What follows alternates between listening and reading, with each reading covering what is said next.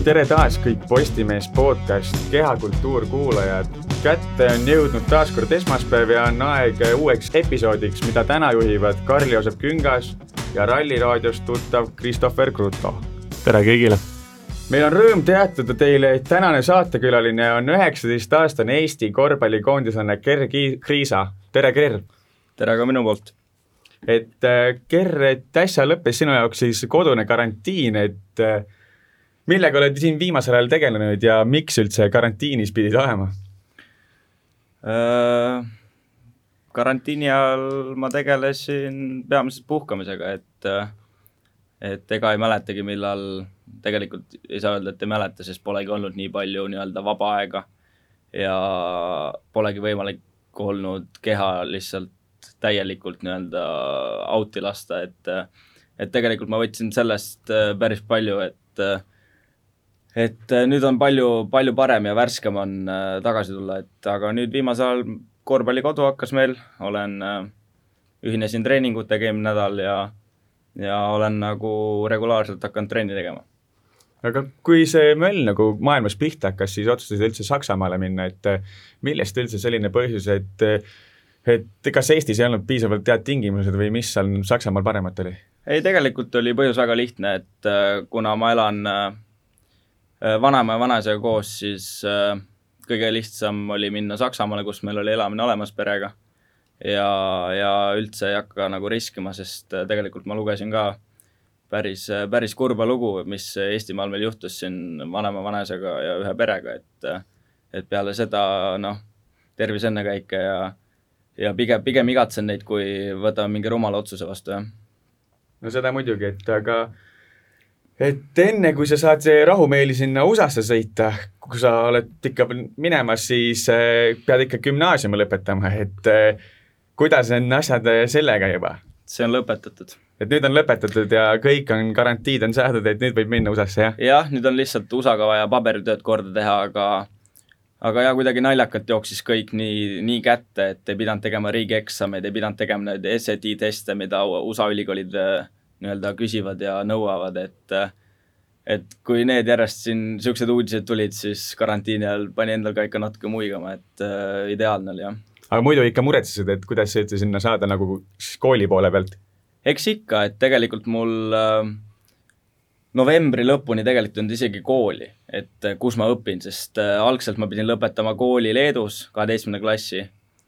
aga siis äh, hakati sealt rääkima, et tegelikult on päris võimatu seda teha sest äh, Leedu, Leedu nii-öelda leedu keele riigieksam nõuab, et ma peaks äh, olema lugenud raamatuid ja tegema nii-öelda kirjandi nende raamatute põhjal, et äh,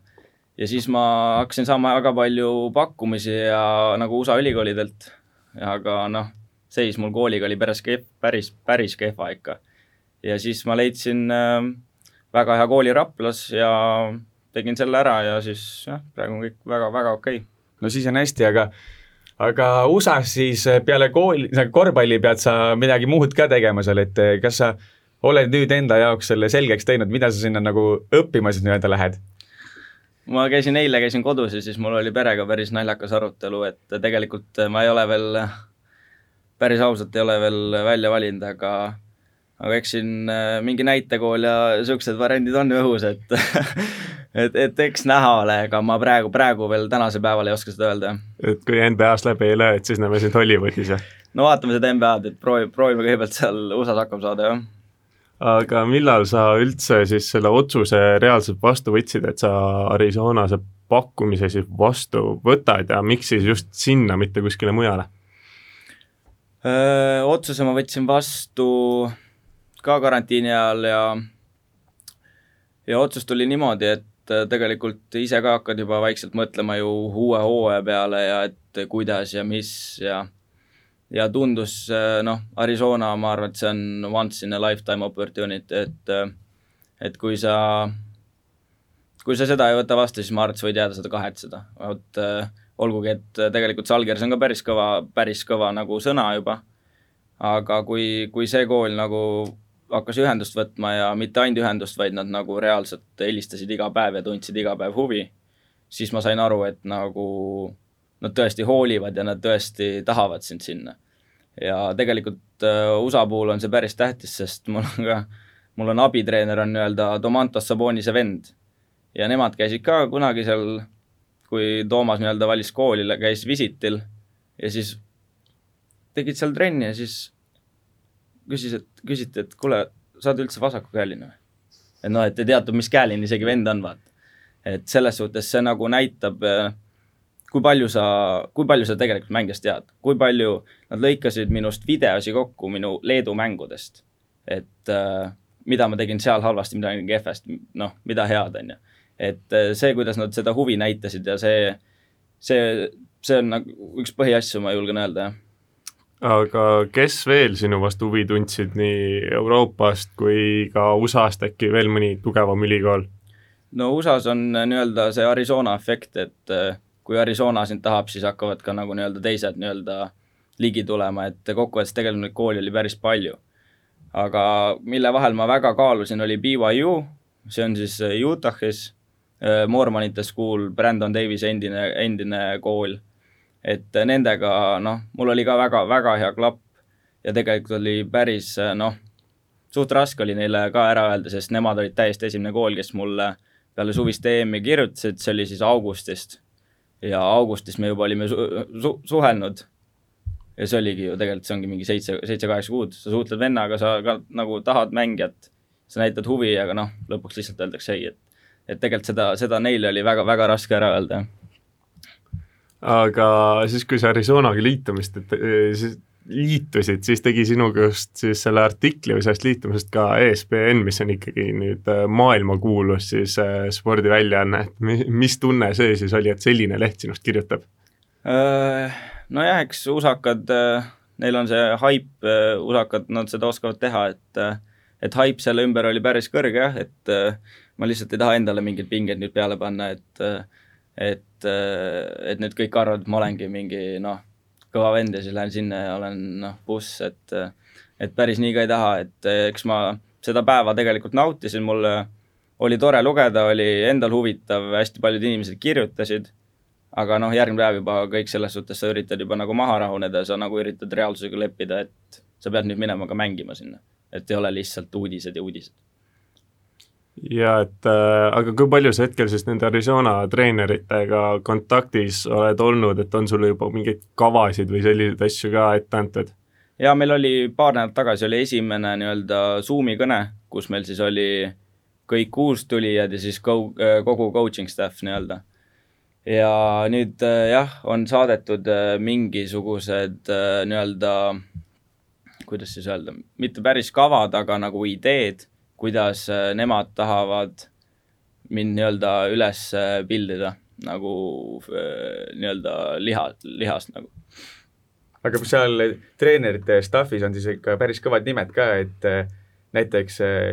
sinuga enam-vähem sama pikk chat siis öelda, et Jason Verri, et kas said temaga ka mõne, mõne sõna vahetatud? jaa, jaa, ta on, jaa, ta on hästi, hästi, no selles suhtes minu arust kõik need ameeriklased on niisugused hästi toredad ja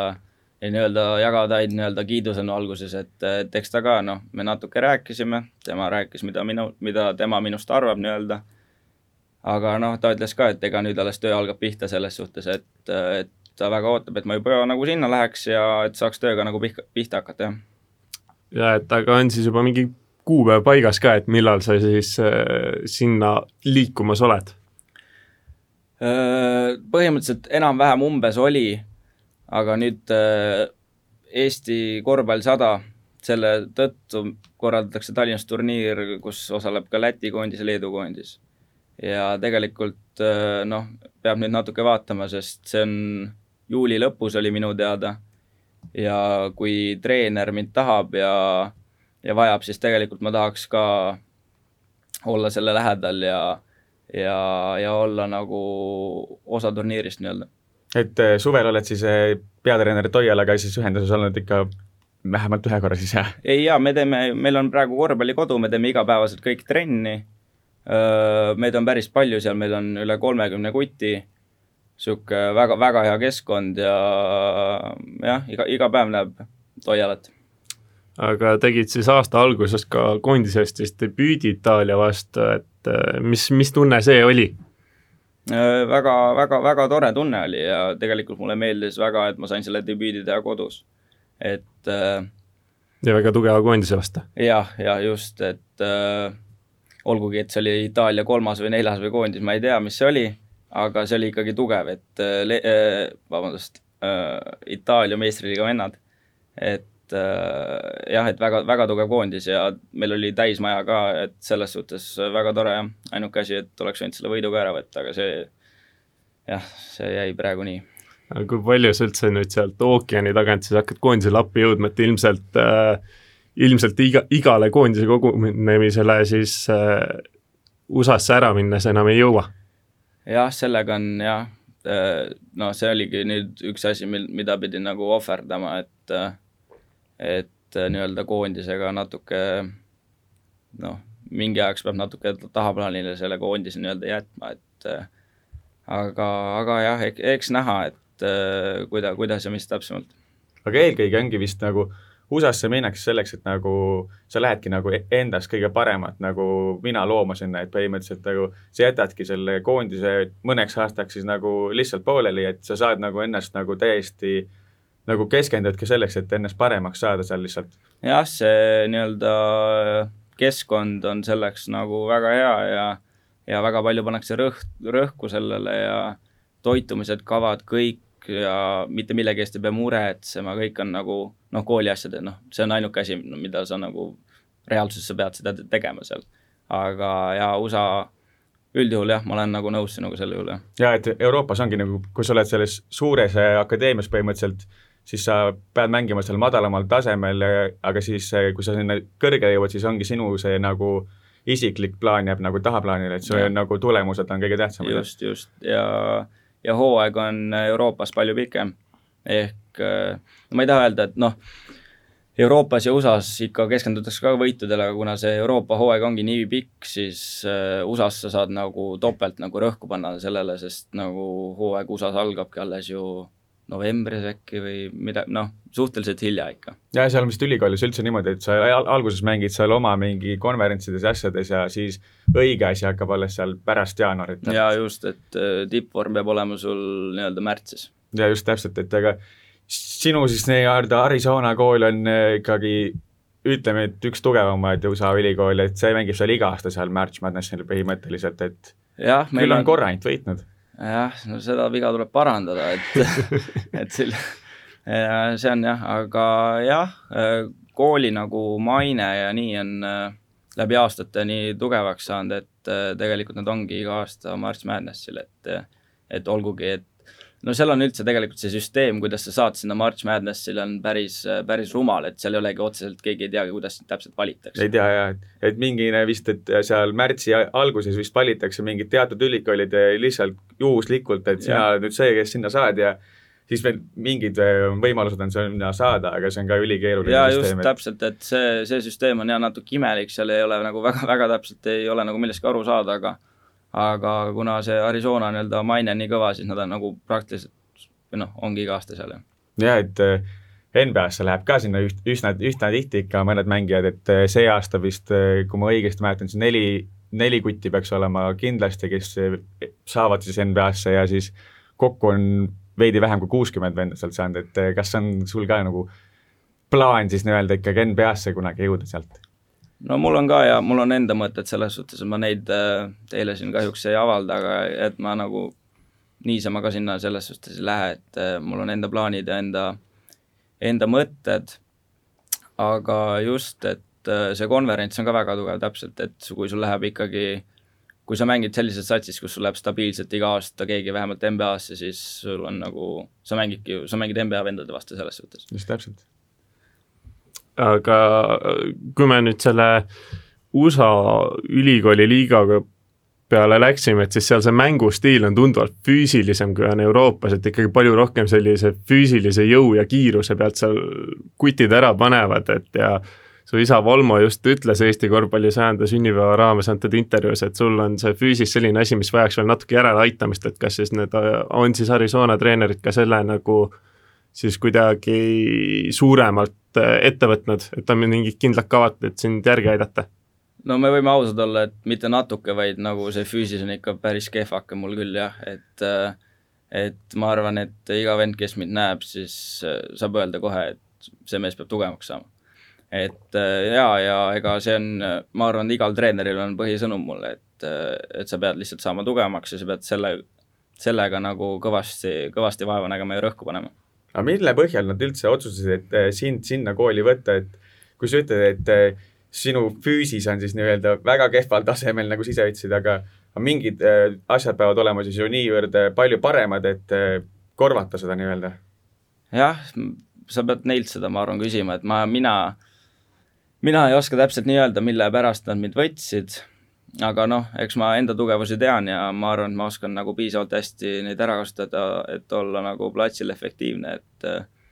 et nagu väga-väga hullult ma nagu hätta ei ole jäänud, olgugi et ma olen teistest oluliselt nõrgem. aga kas seal koolis oled sa siis nii-öelda puhtalt playmaker või siin on nagu, et on ka, on võimalus, et siin kasutatakse ka nagu number kahe peal, et siis on nagu kombo, kombo siis tagamees? Tegelikult on räägitud niimoodi, et ma olen ikkagi ainult nii-öelda point guard ja et need, kes meil sinna nüüd tulevad, et neid, neid saab pigem sinna kahe peale nagu liigutada. et tegelikult ma ise ka ikkagi noh, pole kunagi praktiliselt kahte mänginud, et nüüd, kui ma selle lühikese tsükli Brenais olin, siis mind lükati kahe peale ja no pole kunagi nii ebamugavat asja teinud eks jah, iga, iga asi on erinev ja ka nagu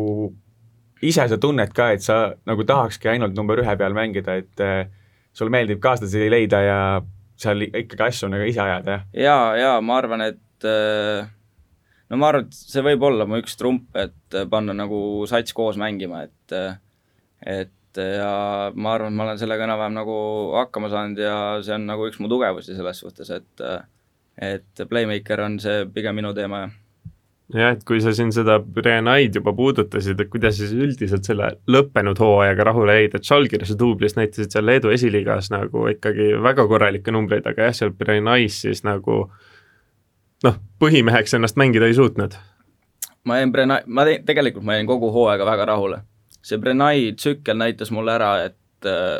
USA on minu jaoks õige variant. ja kui ma ei oleks sinna läinud, siis äkki ma oleks ikka arvanud, et see Brenai tundub hea valik, tundub, et äh, see on hea mulle, ma saan trenni seal teha, mis iganes.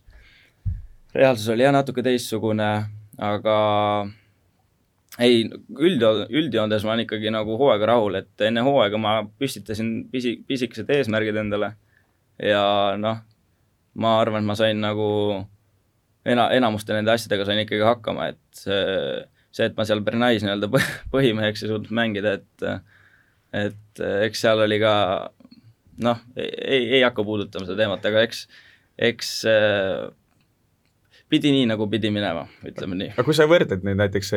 treeninguid siis Žalgirises ja Brenais, et nagu kuivõrd erinevad nad ikkagi on, et üks on ikkagi suurklubi ja teine on veidi väiksem siis, ütleme nii? no ongi tegelikult väga, väga suured erinevused, et äh, kõik need pisidetailid ja kiirused ja need on nii erinevad, aga nüüd ma praegu siin omaette hakkasin mõtlema, et äh, et ei teagi täpselt, miks see Brenai otsus sai tehtud. Et tegelikult ma mõtlesin praegu, et mul oli tegelikult päris hea seis seal Salgerises, et äh, sain stabiilselt teha Euroliiga meestega trenni, sain mängida palju minuteid duublis, et äh, jah, naljakas, ei, ei teagi, ma siin omaette praegu hakkasin mõtlema, vabandust aga lihtsalt äkki mingi kogemuse pärast ongi, et äh, sa ju ei ole kunagi läinud kuskile niimoodi välja lihtsalt niimoodi ja siis jah, ei, ei seda kindlasti, et äh, ei no eks ma nagu, ma ei kahetse kindlasti midagi, et äh, et kui ma ei oleks sinna läinud, siis ma äkki noh, praegu arvakski, et ma tahan Brenaisse minna järgmine hooaeg jah, et tegelikult sa ütlesid siin, et tegid Euroliiga meestega trenni, et pääsesid ju isegi korra väljakule siis üle Urbani Asvelli vastu ja viskasid ka tegelikult esimese punkti, et see oli kindlasti võimas tunne, kui see vabavise siis sisse kukkus? see oli jah, see oli päris, see oli tõesti, kindlasti jääb mul elu lõpuni meelde, et et äh, otseselt ei ootanud, et ma saan päris platsile, et äh, enne mängu meil ka jooksid või noh, mul jooksid aitsad seal päris hästi kokku, et Rokas, nii-öelda mu konkurent sai, sai nii-öelda natuke vigastada ja siis ta ei saanud seal mängida, et äh, ja siis antigi, kolmapäev oli trenn, öeldi, et noh, et reedel saad alla satsis, noh ja siis no ma mõtlesin, okei okay,, et lähen teen selle soojenduse ära siis ja elan kaasa ja noh, aga reaalsus oli natuke teistsugune, eks eks ma mängu ajal ka ikka natuke lootsin, et see vahe natuke suuremaks läheb, aga ta oli jube kole mäng oli see. et, et lõpuks seal viimaste minutitega õnneks natuke läks see vahe pikemaks, aga ega ma mängu vältel ikkagi nagu ei uskunud, et ma saaks sinna nagu platsile küll, jah. aga oli siis ikka selline suur närv sees, et esimest korda noore mehena Euroliigas platsil? Sellega on see, et äh, sa oled seal pingil, sul on närv, sa lähed platsile ja siis nagu selles suhtes sa oled nagu, sa oled nagu teises maailmas, sa nagu, sa otseselt ei kuule, mis seal väljas kõik toimub, see on nagu, seda on nii raske nagu kirjeldada teile nagu, kui nagu, kes ei ole nagu seda läbi teinud nagu. et aga see, kui sa oled seal platsil, siis see närv kuidagi kaob ära ja noh, hakkad enda asja ajama, et selles suhtes jah aga ennast sa seal väga tagasi ka ei hoidnud, et kui sa selle esimese korvi viskasid, et et äh, peab ikka julge mees olema, et äh, tõstad näpud püsti, kui on pluss kolmkümmend põhimõtteliselt juba tablool ja viisteist tuhat inimest sulle sinna aplodeerivad. no ma arvan küll selles suhtes, et äh, kui sa oled kaheksateistaastane poiss ja saad Euroliigas esimesed minutid ja sa viskad esimese punkti, siis ma arvan, et nagu miks sa ei peaks emotsiooni näitama ja sa mängid kodus ja sul on täismaja, et et ma olen niisugune emotsioon, emotsionaalne kutt ka, et äh, muidugi ma nagu näitan emotsiooni välja no nii peabki. jah, aga siis selline küsimus ka, et äh, kumba sa ise pigem eelistad, kas Euroliigat või NBA-d? selles, sellele vastus mulle, see on kahe otsaga, kahe otsaga küsimus, et äh, Euroliiga on koos selles suhtes, et seal ta on nagu, see on nagu päris korvpall ikkagi, et äh, sul on fännid, sul on, kõik elavad kaasa, see on, kõik annavad iga mängust annavad maksimumi sa vaatad samas seda NBA-d, noh, mängu ajal lastakse muusikat, rahvas on niisugune, et noh, see on nagu meelelahutus. et äh, eks mõlemad on, kui sa vaatad nagu NBA-d või Euroliigat, siis e-, eks sa ikka vaatad nagu, mõlemat sa vaatad, aga sa vaatad natuke teise nagu pilguga, et äh, no NBA-s mingid vennad puhkavad, sest mänge on lihtsalt nii palju. Euroliigas sa ei, sa ei näe niisugust asja, et keegi lihtsalt noh, Ulanovs ütleb, et kuule, et ma täna ei mängi, et noh, liiga palju mänge on, et et selles suhtes on kahe otsaga küsimus, aga ma, ma pigem võtaks Euroliiga. kui tihti üldse jõuad NBA-d näiteks jälgida, et kuna need mängud on ikkagi suht hili, hilistel öötundidel, et kui tihti üks professionaalne mängija jõuab jälgida üldse teist liigat, mis toimub ookeani taga? ookeani taga väga ei vaata, teda on noh, minu arust on teda, teda on igav vaadata, sest seal nagu nii-öelda õige koss hakkabki pihta neljandal veerandal, kui sul on viis mitsa mängida et siis okei okay,, nad panevad nii-öelda enda maksimumi välja. aga enne seda noh, kui, kui sa näed, et äh, mingi lahtised pallid või mis iganes ja noh, ei, ei lihtsalt ei minda nagu lõhkuma ennast, et äh, et NBA-d väga, kui siis nädalavahetuseti, kui on nagu varem need nii-öelda mängud, et siis võib-olla satsiga kunagi noh, midagi vaatad, aga aga üldjuhul väga mitte, jah. aga ülikooli kossu, et kui, kui palju nagu üldse ülikoolis kossu oled varem jälginud? see ka ei ole just Euroopas kõige populaarsem asi enne, enne seda hooaega ma ei jälginud põhimõtteliselt üldse, et ma teadsin neid kõrgemaid ülikoole, March Madnessi, okei okay,, seda olin jälginud, olin Kotsarile nagu nii-öelda kaasa elanud. aga nüüd, kui see aasta sa saad pakkumisi, siis sul on endal ka jube huvitav vaadata nagu, kuidas nad mängivad ja kellega nad mängivad ja kuidas neil läheb. et see aasta tegelikult äh, ma ise ka nagu jälgisin rohkem ja otsisin striime ja, ja nagu tegelesin nii-öelda asjaga rohkem, et, äh, et see aasta ma ikkagi natuke pühendasin sellele aega rohkem, jah et kas vaatasid ka siis seda ülikooli liigat sellise pilguga, et äh, kuidas sa ise võiksid seal hakkama saada? et kui juba teadsid, et äh, huvi on olemas sinu vastu? jaa, eks äh, natuke ikka aju midagi genereerib sul kokku, et et aga nagu otseselt nii sisse nagu veel ei süvenenud, sest see oli ikkagi noh, ma ütlen, et ma ei olnud nagu päris kindel või kas ma lähen või ei lähe, et et aga noh, eks sa ikka mingeid asju seal analüüsid ja, ja, ja, ja nagu korvpallur ikka selles suhtes, jah. Aga on sul Arizonas, Arizonase kohta ka siis enam-vähem teada, et milline see mänguplaan olema saab, et mis asjadele rohkem rõhku siis mänguliselt pannakse, et kas rõhutakse rohkem kaitsele või või otsitakse rohkem neid vabasid kolme punkti viskeid või mis nagu see põhistrateegia olema saab? no nende mängustiil on niisugune, et meeldib hästi palju joosta ja üritatakse võimalikult kiirelt äh, Äh, nii-öelda rünnakud ära lahendada, aga kui nagu kiiresti ei saa, siis nad võtavad rünnaku üles ja mängivad pikalt välja, et siis nagu mulle see täitsa nagu tundus, tundus päris, päris okei okay, nagu mängustiil mul olema, jah. tänapäeval vist mängitakse enam-vähem ongi niisugune, USA stiil ongi pigem niisugune, et kiirelt üle, vaatame, et mingi seal kümne sekundi jooksul saaks asja lahendatud ja enamasti tegelikult eh, paljudel võistkondadeks NBA-s ei olegi nagu otseselt mingit plaani pärast seda, et eh, kui me ei saanud seda kiirelt lahendatud, siis me teeme mingi seal selle piker rolliga lahendame asja ära. ja, ja ei, üldiselt jaa, USA, USA korvpall on ühte suhteliselt nagu lihtsana üritatud hoida ja eks nad seda ka enam-vähem teevad, et et väga palju play'si kui nii, nagu ma ei tea, NBA-s sa vist ei näegi ühtegi, et mingi Staggeri katteid näed ja see on ka kõik, et äh, jah jah, et äh, seda rohkem ilmselt siis tuleb ikkagi see füüsis korda saada, et kui ikkagi selline jooksev stiil on, et siis tuleb lihtsalt ellu jääda seal, et äh, ilmselt see esimene aasta siis sul selline lihaste kasvatamise peale võib-olla läheb. jah, eks äh, noh, eks see aasta olegi, ma arvan, niisugune nii-öelda harjumine ja tegelikult see, tegelikult see erinevus, see, see on nagu nii räige, et kõik see kultuur ja see kliima, mis seal olema saab ja ja no et praegu mõtled küll, et paar nädalat peaks asi korras olema, aga tegelikult nagu kui sa lähed, kui sa teed nii suure nii-öelda selle muutuse, siis tegelikult see võtab jah, ma arvan, et ta võib üle, ma arvan, et ta võib terve selle hooaja isegi nagu võtta, et äh, jah. aga oled sa nagu eestlastega seal ühenduses ka olnud, kes praegu mängivad NCAA-s? jaa, olen, olen, olen küsimusi küsinud, olen uurinud, olen, olen väga palju tegelenud, jah. et on, annavad sulle ikka nõu ja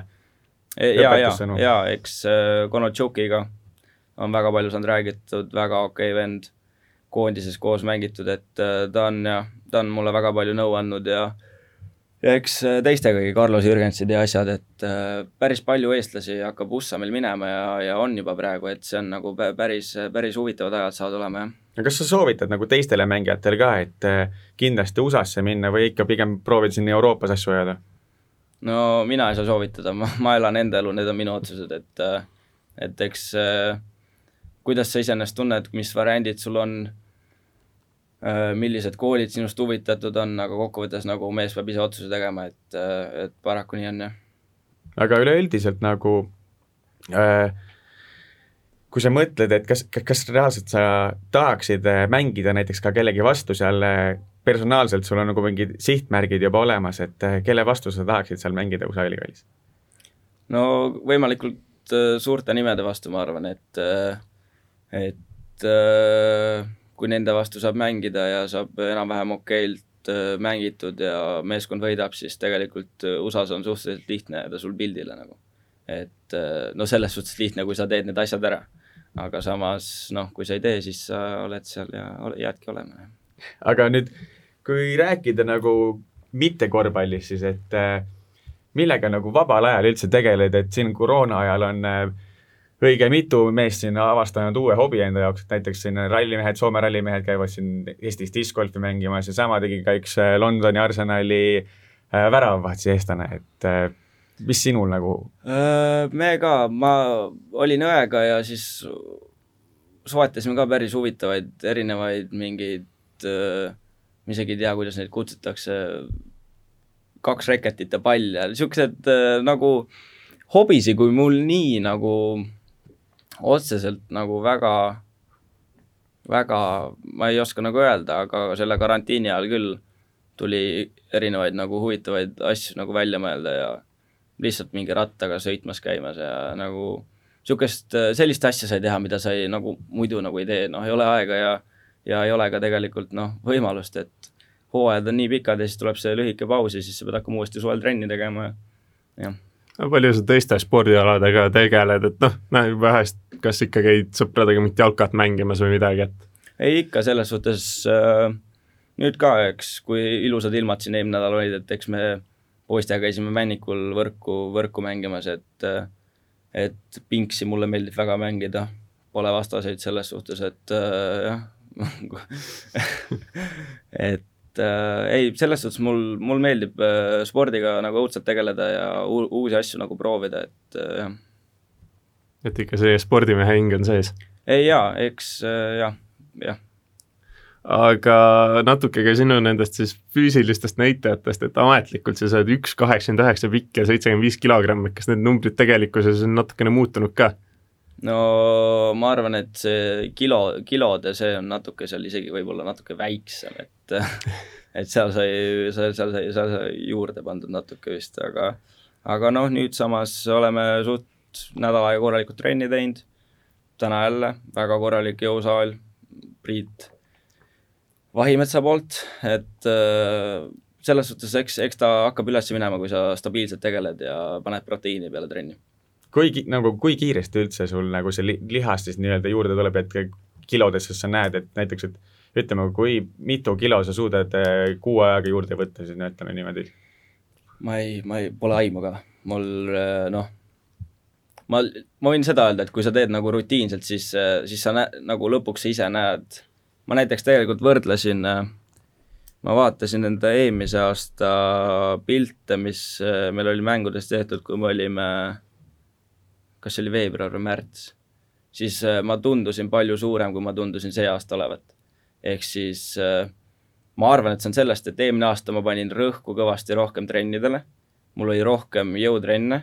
see aasta duublis oli roll natuke suurem, trennidele jäi natuke rõhk vähemaks, jõusaalile jäi rõhk natuke vähemaks. noh, ja tegelikult äh, panin kaks pilti nagu põhimõtteliselt kõrvuti ja vaatan, et noh, mis toimub, et nagu selle, selle koha pealt nagu taandareng, on ju. et nagu mis teema on, on ju. aga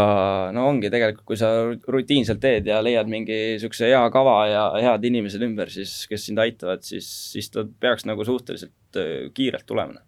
sest jaa, ma isiklikult olen jälginud näiteks Kreeka imemees siis Giannis Antetokounmpo, et kui tema läks nagu NBA-sse, siis ta oli täiesti kreenuke võib võrrelda sinuga natuke pikem lihtsalt mm, -hmm. aga mhm. muidu nagu ja, samasugune pild ja järsku mingi aasta aega möödas ja mees on niisugune lihasmägi, et äh, usaldab imesid. et äh, loodame, et siis sinuga ka teeb ka natuke imesid. no loodan muidugi, et aga ei, eks ikka ise peab ka, ise peab ka ikka nagu tööd nii-öelda sisse panema. aga üldiselt äh, võime siis nagu otsad kokku tõmmata, et mida no soovida sulle üldse siia suveks ja siis järgnevaks hooajaks? tervist ma arvan, et kui, kui, kui terve oled, siis, siis, siis, siis on hästi. et siis tuleb ka ülejäänud äh, järgi? no teoreetiliselt vist peaks nii olema, jah. aga aitäh ja edu siis sulle! aitäh! nägemist! pärast intervjuud Gerg Riisaga keskendume ka lõppenud nädala aktuaalsematele sporditeemale, teemadele, et jutt juttu tuleb eh, kümnevõistluse tippseltskonna mõõduvõtust, eh, FC Flora ja Nõmme Kalju jalgpallilahingust ja ka vabavõitlustähtede pahameelest, mis päädis Conor McGregori karjääri lõpetamisega, et äh,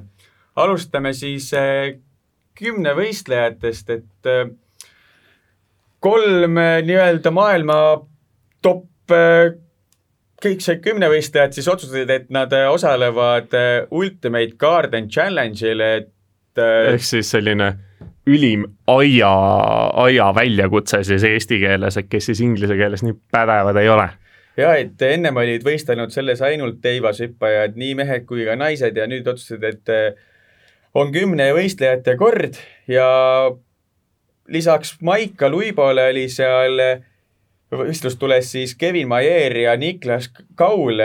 et siis esimene mees on maailmarekordi omanik ja teine valitsev maailmameister. Eh, antud võistluse võitis eh, maailmarekordi mees Kevin Maier ja teiseks jäi Niklas Kaul, kolmanda koha siis eh, hankis endale Maicel Uibo, et, et võistlusel tuli teha kõigepealt teivashüpet niimoodi, et latt asetati nelja meetri kõrgusele ja see tuli kümne minuti jooksul võimalikult palju alistada, et Kevin Maier suutis seda seitsmeteist, seitseteist korda, Niklas äh, Kaul neliteist ja Maicel juba viisteist, et äh, tegelikult äh, olid olud olid siis Maicel juba vastu, kuna tema võistles väljas, kus oli kakskümmend kaheksa kraadi sooja ja väga palav, et kas oleks nagu ausam olnud, et kui oleks kõik nagu sisetingimustes võistelnud, mis sa arvad? no sportlikus võtmes oleks võib-olla tõesti nagu selles mõttes olnud ausam, et äh, sportlastel ikkagi need võrdsed tingimused oleks, aga noh, oleme ausad, et tegu oli ikkagi puhtalt sellise show üritusega ja noh, siis Maicel Uibo tunnistas tõesti, et siis äh, käed läksid higiseks ja see teivas hakkas lihtsalt käest ära libisema, et muidu võib-olla oleks selline paar tükki veel tulnud, aga et oli raske ja no muidugi arusaadav. et äh, seal, kus ta võistles, siis oli väljas kakskümmend kaheksa kraadi ja tõesti sellise palavusega trenni teha, no eks kõik, kes Eestis suvel näiteks jooksmas on käinud, teavad, kui, kui kiirelt sa higiseks lähed sellise temperatuuriga. jah, et teiseks alaks oli siis kuulitõuge, mis nagu võistlejatele niivõrd nagu raske ei olnudki, kuna ka kümnevõistlused tõugatakse üsna tihti nagu pärast soojendusharjutusi ka kolm korda vähemalt seda kuuli, et see nagu nii hull ei olnudki, aga viimaseks alaks oli siis joonejooks, mida seal enamik vennad tunnistasid, et nad pole juba aastaid-aastaid niisugust asja teinudki ja see läks ikka väga raskeks seal meestel, et kes Niklas Kaul sai rõõmustada küll, et tegi kakskümmend seitse täistiiru ära ja teistel meestel õnnestus kakskümmend kuus, aga ükski nendest meestest ei ole siis nagu pikama distantsi jooksjad, et nad kõik tunnistasid, et see on ülimalt raske, et kes tahab järgi teha, siis proovige, et panete kaks koonust või ükskõik mis objekti kahekümne meetri kaugusele üksteisest ja siis proovige kakskümmend seitse korda joosta, et saate tunde kätte, ma usun, et see ei ole kõige lihtsam, et mina isiklikult võin tunnistada, et kindlasti kakskümmend seitse korda mina sealt ära ei jookseks. ükskõik kui kaua mul seal antakse aega ja tõesti, et äh, eks see joonejooksus ongi see, et äh, see paneb palju rohkem proovile need jalalihased, et kui tavalises jooksus sa võtad selle rütmi sisse, sa jooksed kümnevõistleja jookseb oma tuhat viissada meetrit ära, sul on see ühtne rütm. et see ei ole nüüd aga noh, selles mõttes on raske muidugi, aga noh, selles mõttes see ei ole lihastele nii väljakutsuv, et ikkagi see joonejooks iga kahekümne meetri tagant, sa pead pidurdama, uuesti kiirendama, et see on tõesti väga-väga raske väljakutse ja noh selles mõttes müts maha võib-olla, et maailmarekordi mehega jooksis ikkagi võrdselt. ja et eh, see Nik-, Niklas Kaul ütles ka, et, eh, et kui ma sinna tuhande viiesaja meetri joonele lähen, siis ma vaatan, et kellegi järgi seal joosta, et eh, selle lihtsalt ära kuidagi kulgeda, et mehed ei ole kõige kõvemad pikamaajooksjad siis, et aga seal tuli nagu kogu aeg sprintida, et iga sprinter väsib lõpuks ära. ja just nii, et ega, ega sprinterid ju on ka tegelikult äh, need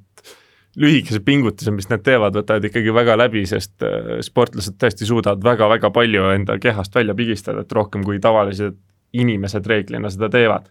just täpselt, et äh, aga sellega rohkem edasi ei lähekski, et äh,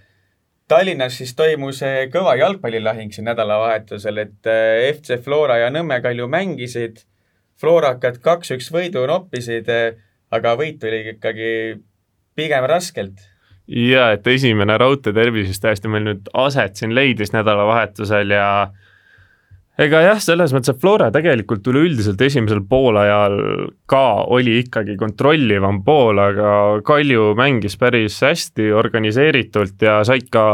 seal suhteliselt varakult, umbes seal kuueteistkümnenda minuti kandis siis nurgalöögist värava, et et Homutovi arvele see jäi, et kes noh, on selline mängija, et äh, kui tal katus ära ei sõida, siis tegu on suurepärase jalgpalluriga, et vahest ta sõidab, Nõmme Kalju õnneks äh, pühapäeval seda ei juhtunud. Teisel poolel siis muidugist äh, Rauno Sappineni ja Rauno Alliku ehk siis kahe Rauno väravad ikkagi lõpuks Florale selle võidu ära tõid, et kui see Sappineni värav oli veel selline äh, noh, tuli hea sööt kasti ja kindel, kindel ründaja lõpetus, et selline, siis Rauno Alliku värav oli küll selline asi, mida ilmselt ei näinud tükk aega, et kuidagi väga, väga õnneliku pallipuute sealt sai ja täpselt taha posti üle Meeritsa see pall kukkus. et võib siis öelda, et eh, Flora, Florakatel oli natuke õnne ka, et eh, need kolm võidupunkti ikkagi tabelisse kirja läksid? jaa, kindlasti, eks,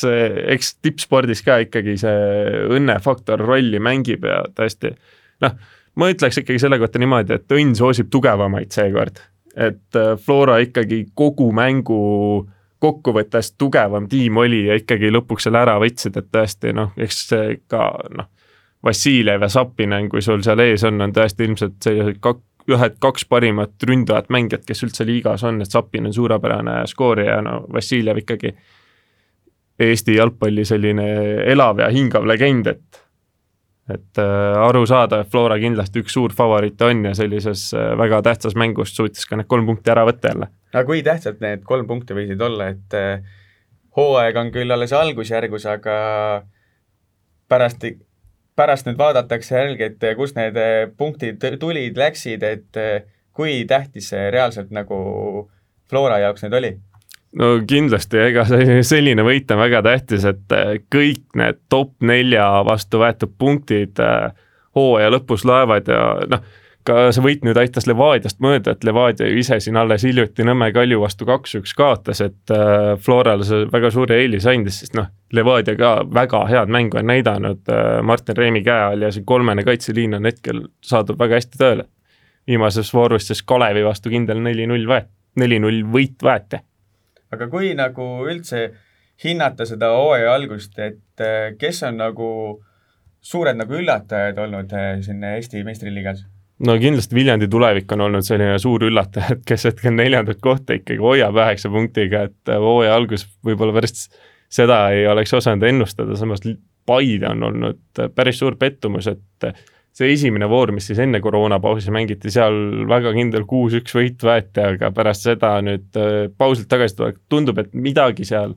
logiseb, et see kait-, kaitses ei ole veel päris asju paika saadud, et küll kindlasti Paide hooaja peale paremaks läheb, aga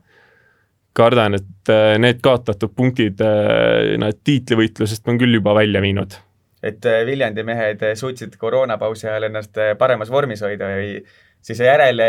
aidata ennast võrreldes teistega, et mõne, mõned on siis natukene kehvemaks läinud? ei tea jah, et kas Viljandi mehed siis sõid äkki see ohtras koguses seda mulgiputrat, mis siis on neile tõesti nii palju seda power'it andnud, et et nad jah, on praegu neljandad ja tegelikult väga soliidset mängu näidanud, et uh, huviga jään ootama, mida nad sellel hooajal suudavad. et kindlasti proovivad ilmselt siis praegu vähemalt trügida sinna viienda koha heitlusesse siis Tammekaga ja ka võib-olla Leegioniga, et kui Leegion oma mängu käima saab, siis kindlasti ka väga, väga hea koosseis on neil kokku pandud. aga kuivõrd üllatav on see, et äh, Narva Trans on endiselt nagu võiduta? No see on tõesti väga üllatav, sest tegelikult nad mänguliselt halvasti ei mängi, aga lihtsalt äh, õnne neil ei ole, et näiteks see Flora vastu mäng oli samamoodi, no Järvelaid seal lõpus lihtsalt sellise pommi risti vajutas, et no ega selle vastu ei saagi midagi teha ja noh, et sellised pisidetailid on Narva Transil igas mängus maksma läinud, et äh, ma usun, et ega nad kaua seal tabeli põhjas ei ole ja varsti hakkavad need võidud ja punktid ikkagi tulema aga sellega siis jalgpallist nagu lõpetame ja läheme viimase teema juurde, et äh, vabavõitluse juurde, et äh, siin äh, nädalavahetusel tuli jälle pommuudis, et siis ütleme, et üks suurimaid tähtisid vabavõitluses, et Conor McGregor otsustas, et tõmbab taas kord karjäärile joone alla. jah, tõesti selline uudis siis tuli, aga rääkisin siis ise eile siin siis Eesti Sportliku Vabavõitluse Liidu asutaja ja liikme Vallo Hannusega, kes on siis äh, juba pikki-pikki aastaid selles vabavõitluse maailmas sees ja tema rääkis, et äh, küll usub, et kui mingi selline huvitav pakkumine McGregorile ette pannakse, et siis, äh, siis ta uuesti tagasi on ja ka välismaa meedias on väga palju sellest juttu olnud ja ka erinevad sellised fännid on väga palju äh, visanud õhku see, neid teooriaid, et tegelikult on tegu lihtsalt turundustrikiga, nagu ka ilmselt oli eelmine aasta, kui ta teavitas samuti aprillis vist erru minekust. jah, et äh, tegelikult on seal suurem probleem, et äh, siis sportlased ei ole nõus äh, nendele makstava palgaga nii-öelda, et nad arvavad, et nad on rohkem väärt ja nõnda on ka mitmed tipptegijad sealt põhimõtteliselt välja läinud ja üks suurim tähti või siis oligi, et äh, vist reitingutes äh, kõige esimene, ehk siis kõige parem vabavõitleja John Jones otsustas, et äh, tema enam ei võistle, et loovutas oma meistritiitlivöö ja enne tagasi ei tule, kui on tehtud nagu korrektseks need palgad nii-öelda. Ja et kui me vaatame, siis UFC populaarsus iga aastaga ikkagi tõusnud on, aga kui me nüüd võrdleme nende auhinnarahasid nende poksirahadega, no siis oleme ausad, et Gregor teenis ka ikkagi kordades rohkem sellest ühest äh, sellisest noh, ei saa show match'ist jah, Floyd Mayweatheriga boksis siis, kus ta ka kaotas, teenis äh, tunduvalt rohkem, kui ta keskmise MMA match'iga teenib ja noh, kui me mõtleme, et tegelikult Floyd Mayweather siis võttis seal McGregorist umbes kolm korda suurema tasu veel kotti, kuskil kakssada seitsekümmend miljonit äh, dollarit, et siis on tõesti, eks need UFC staarid mõtlevad ka, miks nad siis nagu nendest poksitähtedest nii palju vähem saavad. just täpselt, et tegelikult on see ju ala ikkagi väga populaarne, et eh, ka Eestis isegi jälgitakse seda kõvasti ja ma arvan, et need numbrid on suhteliselt võrreldavad ikkagi tavalise poksiga. Jah, et äh, ega ma neid arve täpselt vaadanud ei ole, aga tõesti, eks need äh, UFC staarid sealt pirukast seda suuremat tükki tahavad ja McGregor ju siin aastaid on noolinud tegelikult ju siis UFC sellist nagu osaniku kohta, et ta ütleb, et ta on nii palju selle firma heaks teinud, et ta on nii suur tähtja, et ta tunneb, et ta on tegelikult väärt nagu tükikest sellest firmast. no pigem ta on ka, sellepärast et äh, iga tema see matš on nagu ikkagi maailma spordimeedia see number üks asi, mis nagu juhtuma hakkab, et kui see ükskõik mis kellaajal see toimub, seda jälgivad miljonid, miljonid inimesed ja see tõstabki seda ala populaarsust, et äh, ma tean, et äh, UFC omanik Dana White siis äh, on proovimas midagi luua, et mingine fighting saar siis nii-öelda, et see on erasaar tema omanduses, et ta äh, tahabki sellest teha nii-öelda siis niisuguse koha, kus hakkavad need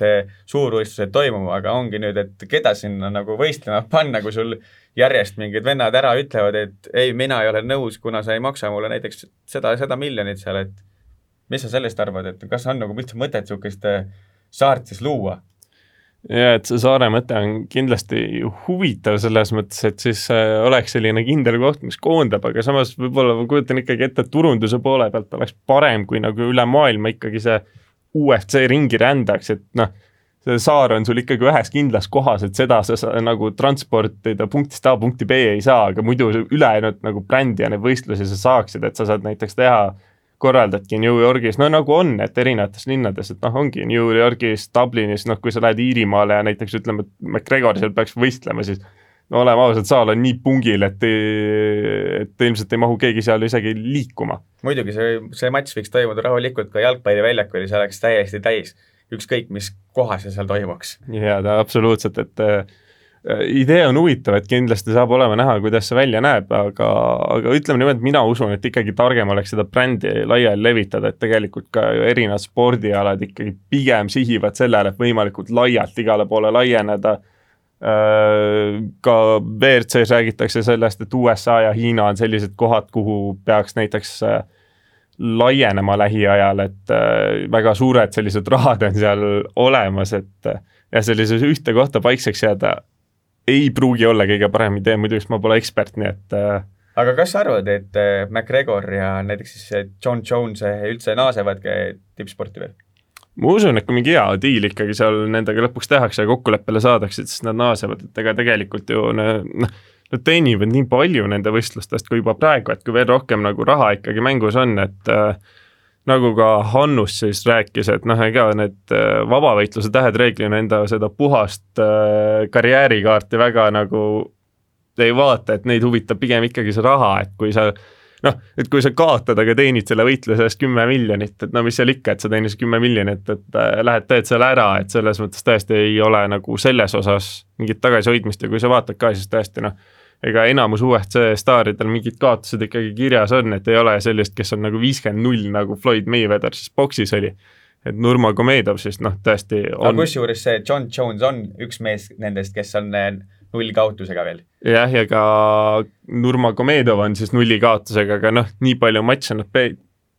pidanud veel ei ole, aga tõesti huvitav saab olema näha, et mis sellest UFC-st siis edasi saab, eks kindlasti siin koroonakriisi valguses ka väga palju selliseid noh, ümber, ümberturundamise võimalusi spordialadel tekib. ja, ja kusjuures olid nemad ju kõige esimene spordiala, mis siis nii-öelda koroonapausilt naases ka, et äh, ma arvan, et see on väga tähtis ikka UFC-l ikka hoida neid oma tähtesid ja küll nad ikka saavad seal mingile kokkuleppele ja tõstetakse neid palkasid. just, ma arvan sama, aga ilmselt siinkohal meil nüüd ongi siis mõttekas äh, saade lõpetada, aitäh kõikidele, kes kuulasid ja oleme siis tagasi järgmisel nädalal, esmaspäeval nagu alati. ja just täpselt, et äh, head nädalat. kena nädalat